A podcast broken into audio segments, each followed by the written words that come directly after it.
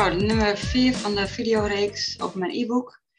Uh, deze wil ik even laten gaan over de tegenstrijdigheden in de maatregelen en in het beleid. Dus ik ga niet helemaal op volgorde van uh, hoe het eigenlijk in mijn e-book staat. Maar uh, het leek me wel handig om nu even iets te vertellen over de tegenstrijdigheden. Omdat het best wel belangrijk is, daar gaat het natuurlijk allemaal over. En dan heb ik hier even wat dingetjes op rij gezet. ja, die eigenlijk gewoon mijn inziens niet echt uit te leggen zijn voor mij inmiddels heel erg logisch, maar ik moet uh, keer op keer vergeten, niet vergeten dat het wat voor mij logisch is, voor een ander dat misschien nog niet gelijk is. Nou, als we dan beginnen met een heel simpel onderwerp, de mondkapjes. Dat is denk ik dan een heel mooi voorbeeld van hoe het er in eerste instantie eigenlijk al werd, gezegd van mondkapjes hebben geen zin, mondkapjes werken niet. Uh, daar gaan we niet aan meedoen. Minister De Jonge die zei dat, Van Ark heeft dat gezegd, Van Dissel heeft dat benoemd dat het, uh, ja, het zou een politiek besluit zijn. Het heeft medisch uh, heeft het geen enkele grond. Dus dat was eigenlijk uh, de eerste half jaar, slash jaar, was dat de boodschap. En toen uit het niets was het ineens zo dat we toch met z'n allen mondkapjes moesten gaan dragen. En dan ook nog eens de niet-medische mondkapjes. Dus, hè, dus de lapjes stof die je zelf in elkaar kan zetten. En ineens werd daarop gehandhaafd, stonden daar boetes op. ja, dat je ook denkt, hoe kan dit nou? Hè? Waarom wordt het eerst eigenlijk door al die belangrijke, tussen aanhalingstekens, mensen gezegd, ja, hè, dat heeft geen zin en het is, zelfs schadelijk, het is zelfs ongezond. En dan ineens uh, wordt het allemaal uh, veranderd en blijkt het heel belangrijk te zijn en zelfs een verplichting te zijn. Dus dat is al een heel duidelijk voorbeeld van een tegenstrijdigheid in het beleid. En als je dan kijkt op de website van het RIVM, dan staat daar een mooi artikel, veilig gebruik mondkapjes. Nou, en dan heb ik hier dus ook neergezet, dus het niet hanteren van al deze stappen maakt een mondkapje dus blijkbaar onveilig. Een mooi nadenkertje. En er staan daar gewoon thema's, zoals mondkapjes mag je tussendoor niet aanraken, hou het zoveel mogelijk op, uh, niet steeds op en af doen, um, maak het, hè, zorg dat je geen nat of vies mondkapje omdoet, raak alleen elastiekjes aan, uh, stoffen mondkapjes kun je niet opnieuw gebruiken, uh, wegwerpmondkapjes moeten in een plastic zakje afgesloten in de prullenbak worden weggegooid. Nou ja, uh, ieder kind kan denk ik nogal begrijpen dat dit niet in de werkelijkheid gebeurt. En dan denk ik van, uh, ja, hoe tegenstrijdig we hebben. Ik bedoel, dit is toch een heel duidelijk voorbeeld. En de, de schadelijkheid van zo'n mondkapje, daar, daar hoor je eigenlijk niemand over. En die schadelijkheid zit op meerdere vlakken. Hè? Dus het is niet alleen dat je niet meer vrij kan ademen dat je constant je eigen adem inademt. Dat je dus constant kijkt naar scholieren, hè, met name. Die constant met hetzelfde mondkapje in de zak, uit de zak, op, op de mond, van de mond, in de regen. Het, het, ja, die gaan echt niet elke keer om het uur een nieuw schoon mondkapje opdoen. Kijk eens op straat, hoeveel mondkapjes daar niet liggen. Hoe zou dat zijn voor de, voor de natuur? Uh, en dan heb je nog een andere manier van schade. En dat is hoe goed kan je iemand nog zien? Hoe goed kan je iemand nog begrijpen, nog lezen? Hoe, hoe goed kan je nog inschatten wat iemand bedoelt? Dus hoe is de non-verbale communicatie nog te lezen? Nou, dat zijn allemaal factoren. Dus de, de, de schadelijke kant van zo'n mondkapje is bewezen heel groot. En de, uh, nou ja, het feit dat zo'n mondkapje zou helpen tegen zo'n coronavirus, dat, ja, dat is gewoon eigenlijk iets wat waarvan je kan zeggen dat dat is het dus niet. Kijk, als je dan in een ziekenhuis werkt en je moet operaties doen enzovoort, ja, dan heb je allemaal medische mondkapjes en daar ga je dan heel erg uh, goed mee om. Dus het gaat allemaal met alle protocollen en voorschriften wordt dat opgedaan en afgedaan. Maar dat kun je dus bij dit beleid totaal niet zeggen. Terwijl, ja, je zou maar in de supermarkt werken en acht uur per dag zo'n mondkapje op moeten doen. En dan verdien je drie euro per uur en dan moet je vakken gaan vullen. En uh, oh als je in één keer je mondkapje afdoet. Nou, dat vind ik toch best wel ernstig. Een tijdje geleden liep ik ook zo'n soort winkel binnen. En was er een medewerker was vergeten mondkapje op te doen. Nou, die, die rende in paniek richting het magazijn. Want oh als gezien werd op de camera dat ze geen mondkapje op had. Dan zou dat gewoon na drie keer einde contract betekenen. En dat dus gebaseerd op mondkapjes, niet medische mondkapjes. Uh, die dus op zo'n manier worden gebruikt en waarvan dus, dus in eerste instantie werd gezegd dat het totaal geen zin heeft en dat het juist eerder schadelijk is dan dat het iets op zou leveren. Ik heb zelf nooit meegewerkt aan de mondkapjes. Ik heb gewoon zo'n kaartje gekocht destijds. dat ik een uitzondering ben. Dat ben ik ook. Ik vind dat ieder, ieder mens dat eigenlijk zou moeten vinden van zichzelf. Want ja, waarom zou je meewerken aan een maatregel die gewoon echt nergens op gebaseerd is en echt schadelijk kan zijn? Want ik bedoel, vrije adem, vrij mogen ademhalen, dat is toch echt heel erg belangrijk. Kijk, dat ik dan long covid heb gehad en sowieso moeite heb uh, met ademen. Uh, ja, tuurlijk, bij mij werd, wordt het dan uitvergroot met zijn mondkapje op, dat ik helemaal Spaans benauwd. Maar ook heb je geen long covid gehad, het is gewoon voor niemand gezond. Laat staan als je daar de godganse dag mee op moet lopen. En met zo'n vies mondkapje uit je zak, op je neus, overal mee naartoe. Ja, dat kan gewoon niet gezond zijn. Maar daar wordt wel op gehandhaafd. Tenminste, op het moment dat het weer verplicht is. Vind ik nogal uh, een tegenstrijdigheid. Nou, en dan het volgende is het onderwerp aerosolen. Nou, ik neem aan dat iedereen wel weet wat een aerosol is, wat ermee bedoeld wordt. Het gaat om de verspreiding van virussen via de lucht. Um, en daar heb ik dan een mooi artikel over geplaatst. Door een hoogleraar is dat geschreven destijds. Uh, nou, Maurice de Hond eh, begon daar nou, volgens mij in april 2020 al over te vertellen. Hoe belangrijk het is, omdat dat een van de grote factoren is in binnenruimtes waar rekening mee moet worden gehouden. Dus kijk bijvoorbeeld bij verpleeghuizen of nou uh, kantoorruimtes, maar ook gewoon in je eigen woning of als je in de auto zit, maakt niet uit waar. Um, dan is het onwijs belangrijk om te weten hoe, hoe is de ventilatie daar, hoe is de luchtkwaliteit, hoe is de luchtvochtigheid. En uh, ja, in, wanneer moet je rekening houden met een grote verspreiding van een virus. En dit hele onderwerp, ja, dit is echt de moeite waard om even te lezen. Dus ik benoem het nu, uh, maar lees het alsjeblieft. Uh, dat is gewoon heel erg verwaarloosd in het beleid. Dus op het moment dat er ook tijdens een persconferentie iets werd gevraagd over goh en ventilatie, dan kreeg je echt een beetje zo'n geërgerde blik van ach ja, weet je wel, dan zet je toch een keer de ramen open.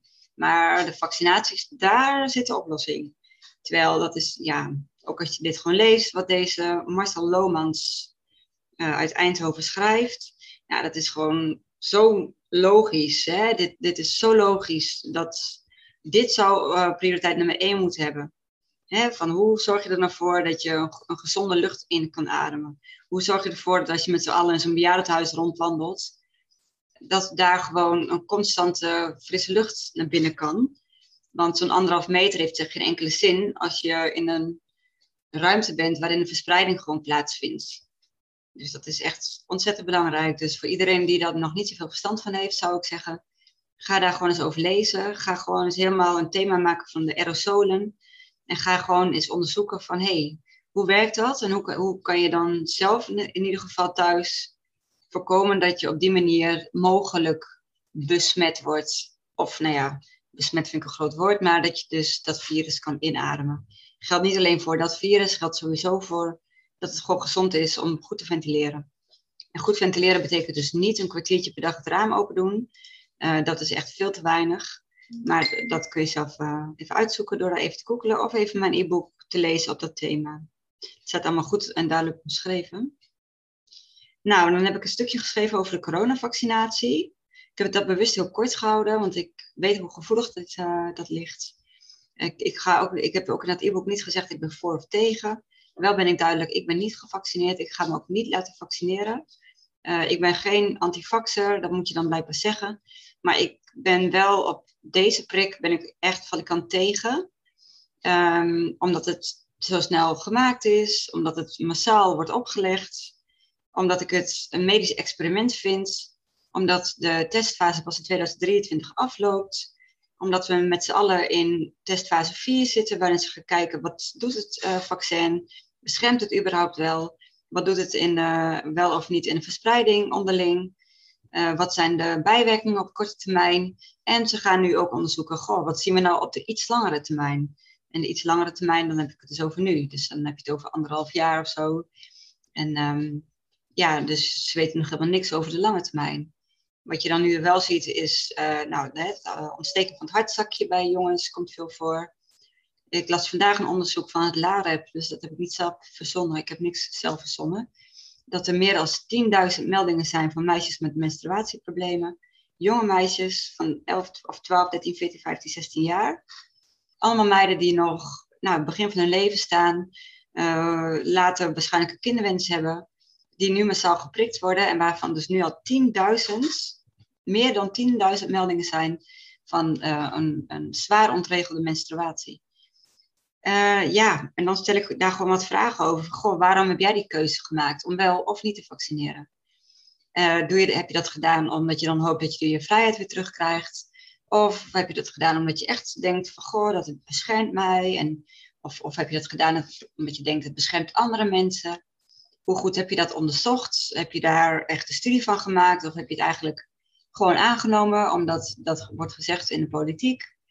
Um, ben je daardoor misschien ook overgehaald, doordat je dat keer op keer op keer op keer hebt gehoord?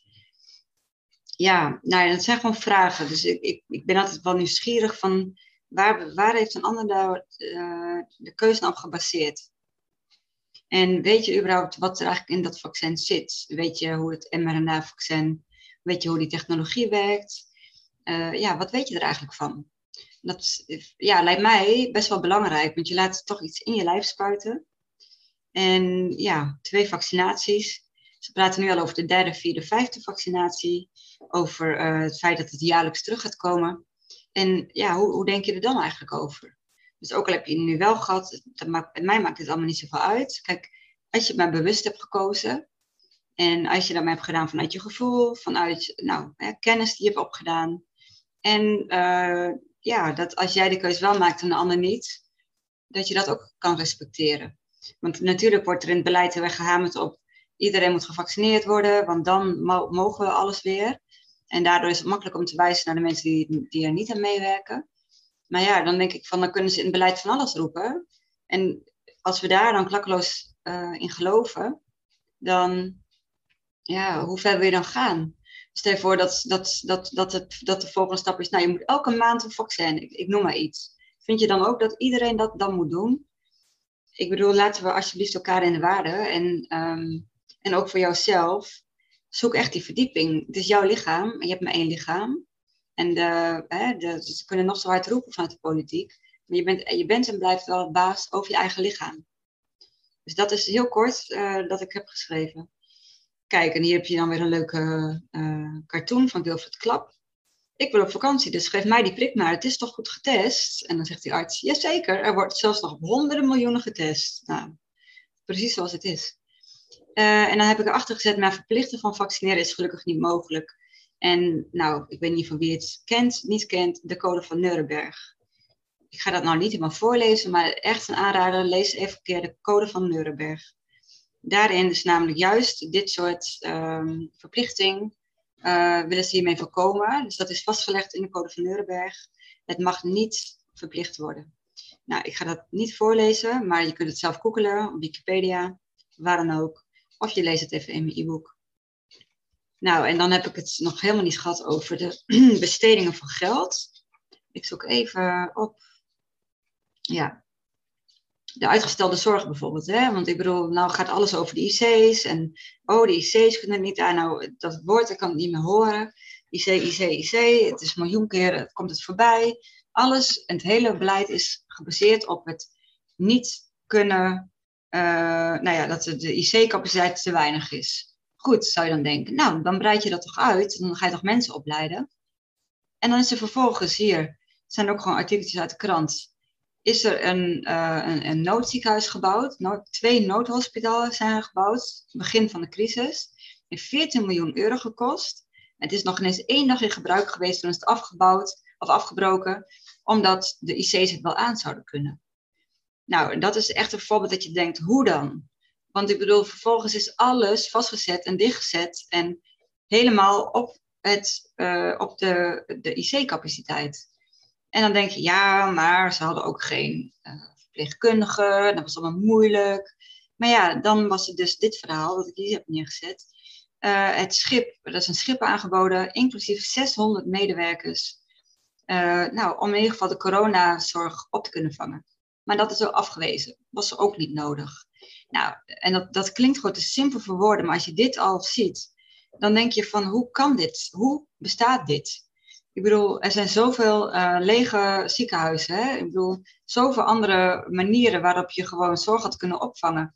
in korte tijd medewerkers goed had kunnen opleiden. Niet per se voor de IC's, maar wel om andere zorg op te vangen.